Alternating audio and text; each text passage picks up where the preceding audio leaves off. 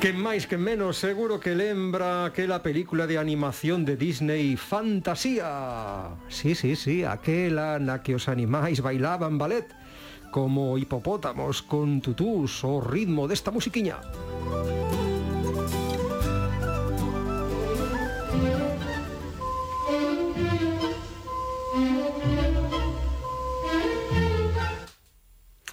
Onte foi o Día Mundial dos Hipopótamos que non o do ballet.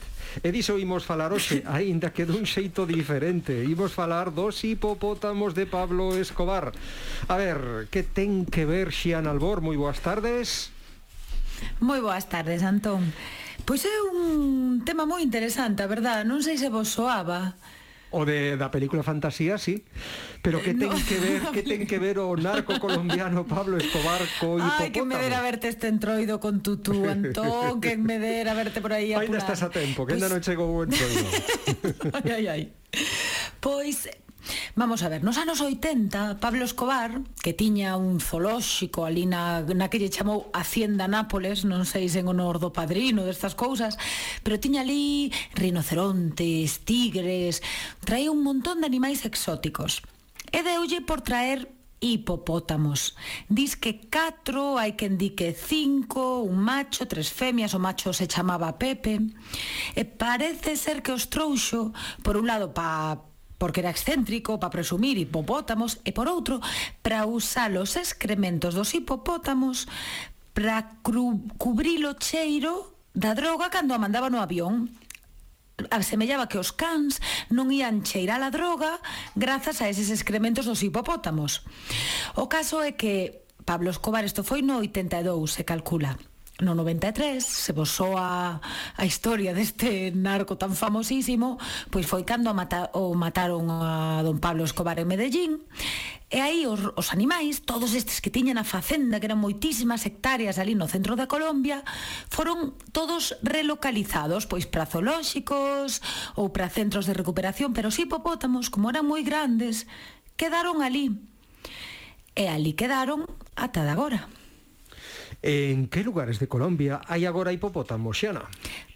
Pois agora mesmo están localizados nese que lle chaman o Medio Magdalena. O río Magdalena é o, o río máis longo de Colombia, cobre o país todo e están máis ou menos no, no centro.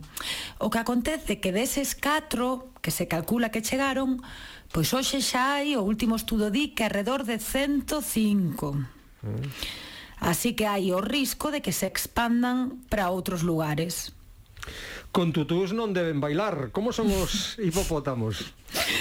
A verdade que non, ademais é, é curioso, é como isto cando poñen os osos como un oso amoroso, despois mi má xa che din os grizzly, non? Mm. Se ves un, bótate o chan, non fagas nada porque Pois algo así acontece cos hipopótamos porque son curiosamente agresivos, eh, semellan así, aínda que son herbívoros, son moi territoriais. Entón, de feito, seguro que vos soa o típico que din que o animal que máis mortes causa na África, que non son nin tantas comparados con outras cousas, sei que anda nos 500, a ver, son bastantes, son animais moi grandes, están feitos para estar na auga case todo o tempo. Se vos tedes na cabeza estas típicas imaxes de ríos africanos, saenlle como as orelliñas por riba e os olliños e un pouquiño o nariz, entón pasan así todo o día na auga. Polo día, pola noite, saen as beiras dos ríos ou dos lagos a comer erva como se foran, de feito chamanlle cabalos de agua, é o nome científico. Pois saen comer agua e voltan a entrar.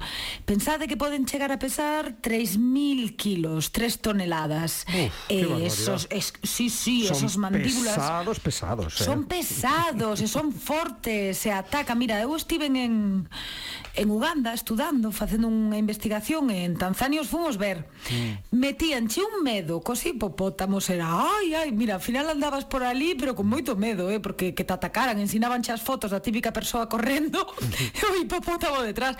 Chegan ata os 40 km hora, eh, que non é broma. Ai, tiña un son, queredes escoitalo? Está aí xa. Rosa é unha maravilla. Parece que río hipopótamo e todo. Pois poñémolo de novo, Rosa, a ver como como soaba o hipopótamo, podes? Sí. A ver, espera. que me fai graza eh, escoitar o hipopótamo. Sí, sí. É un, pun, é un puntazo, é eh, o dos sons. Ademais, como agora imos... Durante moito tempo non se gravaba moito o son dos animais. Agora mm. cada vez hai máis micros, mm, máis desenvolvidos, máis avanzados e Pois hoxe os vou traer, eh, que eu me fixen cunha grabadora especial para a natureza, a ver se vos sorprendo algún día. Pois está moi ben. Agardo que Porque non... ademais como na radio funcionamos con iso co son, encántanos escoitar calquera son. Neste caso, o dos hipopótamos, que de pronto hai, dicías, hipopótamos africanos no río Magdalena, o máis grande de Colombia, onde nunca antes existiran estes herbívoros xigantes. Pode haber competencia con outros animais autóctonos? Pois sí, Antón, exactamente. Xa sabemos que o novo mundo, como lle dan por chamar en termos de bioloxía, sempre é unha barbaridade. Aquí cunha guía de aves, aquí pois, por exemplo, na Europa, pois é é sinxelo, cunha guía de mamíferos hai poucos, pero na América é unha burrada, hai de todo e en unha diversidade brutal. E tamén acontece cos hábitats que está a ocupar agora o hipopótamo, por exemplo, cos manatís antillanos ou coas capibaras. E ambos os dous están en perigo de extinción. Diso manatí antillano, que tamén chaman de vaca mariña. Pois sí, de vaca mariña. Igual o tedes na cabeza, a ver se vos lo describo, é como unha mole así, grandota, e ten a cola como a de culler, como se fora unha destes langosta, non sabedes, que é a mm. cola así... E ten dúas aletas e unha cariño como así enrugada. Non me estades vendo, estou poñendo xestos aquí, pero obviamente non me ves. A min eh, chegame algo, pero non... non, non. é como se estivera gordo así na, na papada, uh -huh. e ten uns bigotes ten, ten pinta de amoroso. E debaixo da auga, este non se me escapa porque é moi bonito, debaixo da auga comunícanse así. Oh. Mm. Os hidrófonos, os hidrófonos, que puntazo, micrófonos para debaixo da auga. Pois disque que estes manatís antillanos, as vacas mariñas, Diz que son moi moi sabios, moi intelixentes e conseguen lembrar as rutas que seguen polos ríos e son herbívoros tamén. E, e chegan a vivir 60 anos e son moi grandes tamén. Mm. Diz que mm. poden chegar a pesar 1600 kilos, pero nos extremos. E a capibara, cuxo nome latino ven a significar porco de auga. Porco de auga, que rico está o de terra. Pero non sei por que lle chaman porco de auga A verdade, porque esta capivara É o roedor o roedor máis grande do mundo. Chega a metro e medio de longo e, e, e máis de metro e medio de alto. Na Colombia o chaman de chigüiro ou tamén boca e burro, que isto nos fai unha idea de como é, porque é como unha rata, algo así, pero a cara, o rostro, o morro é elongado como dun burro, a mellor por iso lle chaman boca de burro ou polo que come, porque vai comer erva tamén. Ten os olliños así entornados, como se lle estivera dando o sol ou como se te estivera xulgando, en plan, mmm, Antón, non deberías facer iso. e son semiacuáticos, e como dixen herbívoros, así que de novo comparten hábitat, compartillan hábitat cos hipopótamos africanos de Colombia. Cales son os outros problemas que están a ocasionar os chamados hipopótamos de Pablo Escobar, Xana? Pois aquí ven o, o petate, porque claro, temos que pensar que os hipopótamos os chaman de enxeñeiros dos ecosistemas, que isto é un tema moi interesante que aínda non truxen aquí así tal cual, eh? veñen a ser animais que modifican moitísimo os lugares onde viven. O típico exemplo son os castores, que chegan a facer en coros, é impresionante os castores. Entón van desviar os, os, os, os ríos, basicamente, os elefantes é outro exemplo, e os hipopótamos tamén. Son moi grandes, moven moita enerxía, e por iso que vos contaba de que polo día están na auga, E pola noite saen a terra, pois van empezar a comer, a comer nas beiras dos ríos. E van facer pois moito desgaste nese aspecto. Pero tamén o que acontece, que é moi interesante, que todo iso que comen, que tampouco comen tanto, eh, pero todo iso que comen o, o defecan. Mm. E esas execcións están entrando no río E seguro que vos soa o que aconteceu no Mar Menor, que o que lle pasara é que entrou moito abono, digamos, moito desto das obras da agricultura do que sae, entón iso fai que as algas se reproduzan moi rápido, as plantas acuáticas, porque teñen moito abono, como se abonamos a horta a tope, e consumen moito oxígeno, e quen sae perdendo aquí os peixes mm. e outros animais porque a auga perde o oxígeno.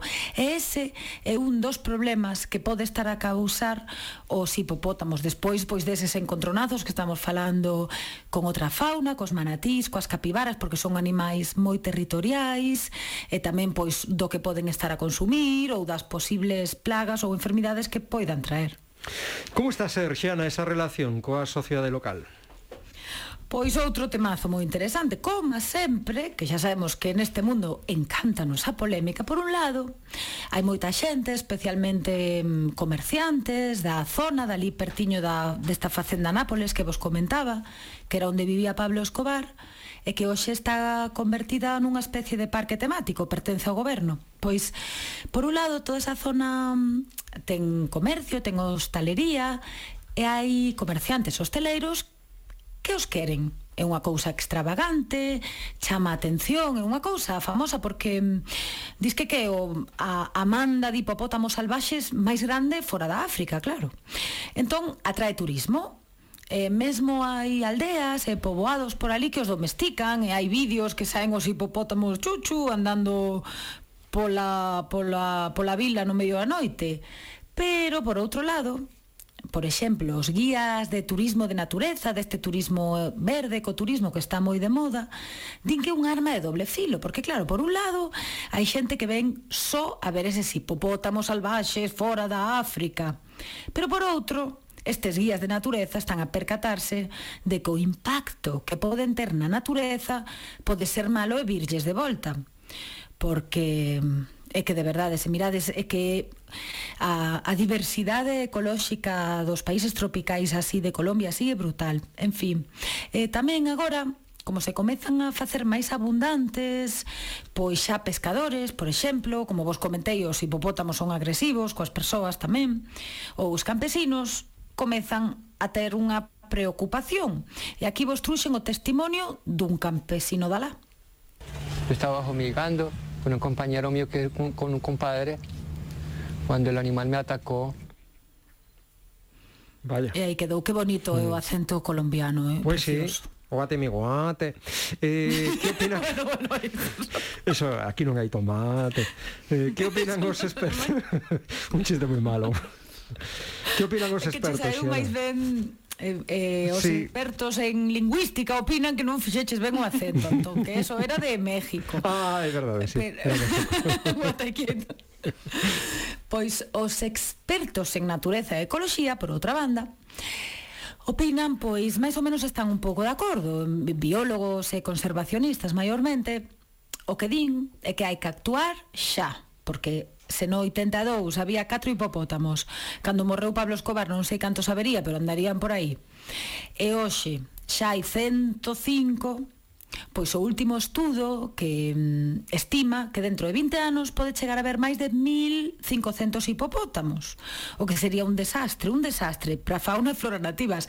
E ademais, o malo que ten é que semella que hai xente que está vindo a coller cachorros de hipopótamo para levarse unha lembranza de Pablo Escobar, porque claro, tiña esa mm, había moita xente que o odiaba, pero outra moita xente o o protexía, non? Porque isto de que daba cartos na pois nas zonas, eh, sei que facía as piñatas, sabedes esas piñatas que van cun pau nos mm. nos hmm. aniversarios, mm -hmm. e el metía mm, billetes de dólares, pero Mm, tochos de billetes de dólares. Entón sempre tiña esa, mm, non, esa dualidade. Pois se se a xente se está a levar os hipopótamos para outros lugares do país, pois pode ser un, un desastre. E logo tamén temos que pensar E así o explican os científicos colombianos que non teñen depredadores naturais. Ali non hai quen se coma os hipopótamos. En cambio, na África, os cachorros, pois os comen os leóns, os guepardos ou mesmo as hienas.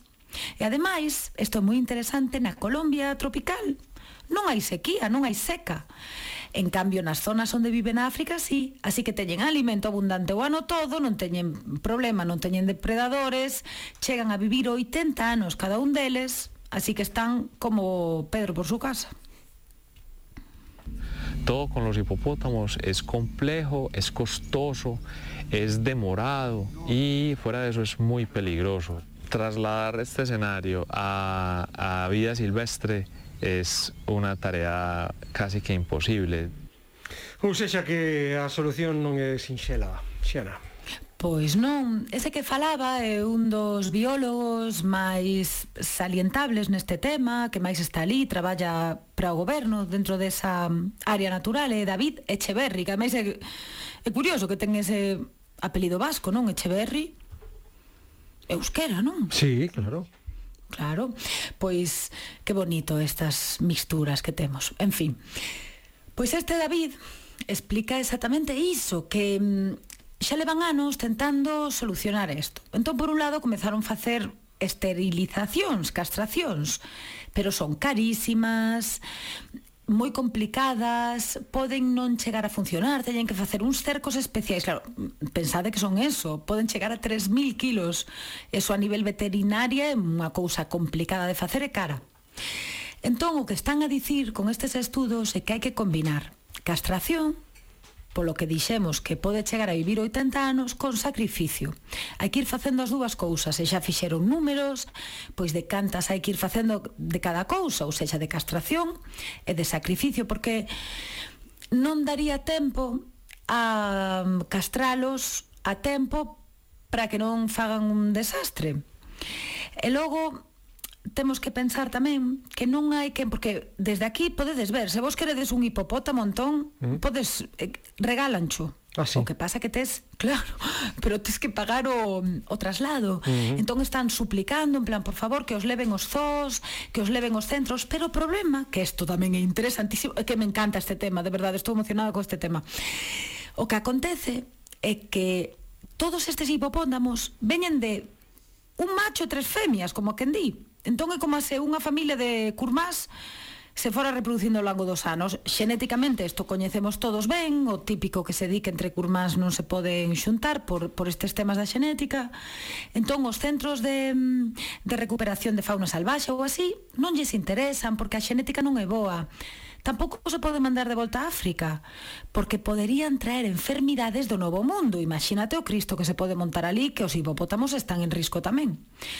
Así que aquí é como estas cousas están claras, pero os animalistas non queren deixalos ir porque din que non se poden sacrificar. Eu só quero facer un alegato, coso, gueto, gospel, chour, como se diga, de que hai que escoitar os expertos en conservación porque perder un individuo é triste, pero perder unha especie é para botarse a dormir. Pois mira, comezamos o programa a tarde precisamente con gospel e case case imos rematalo mm. con gospel. Que che parece, Xena Albor? Encántame para relembrar uns mariñeiriños. Arriba esa música.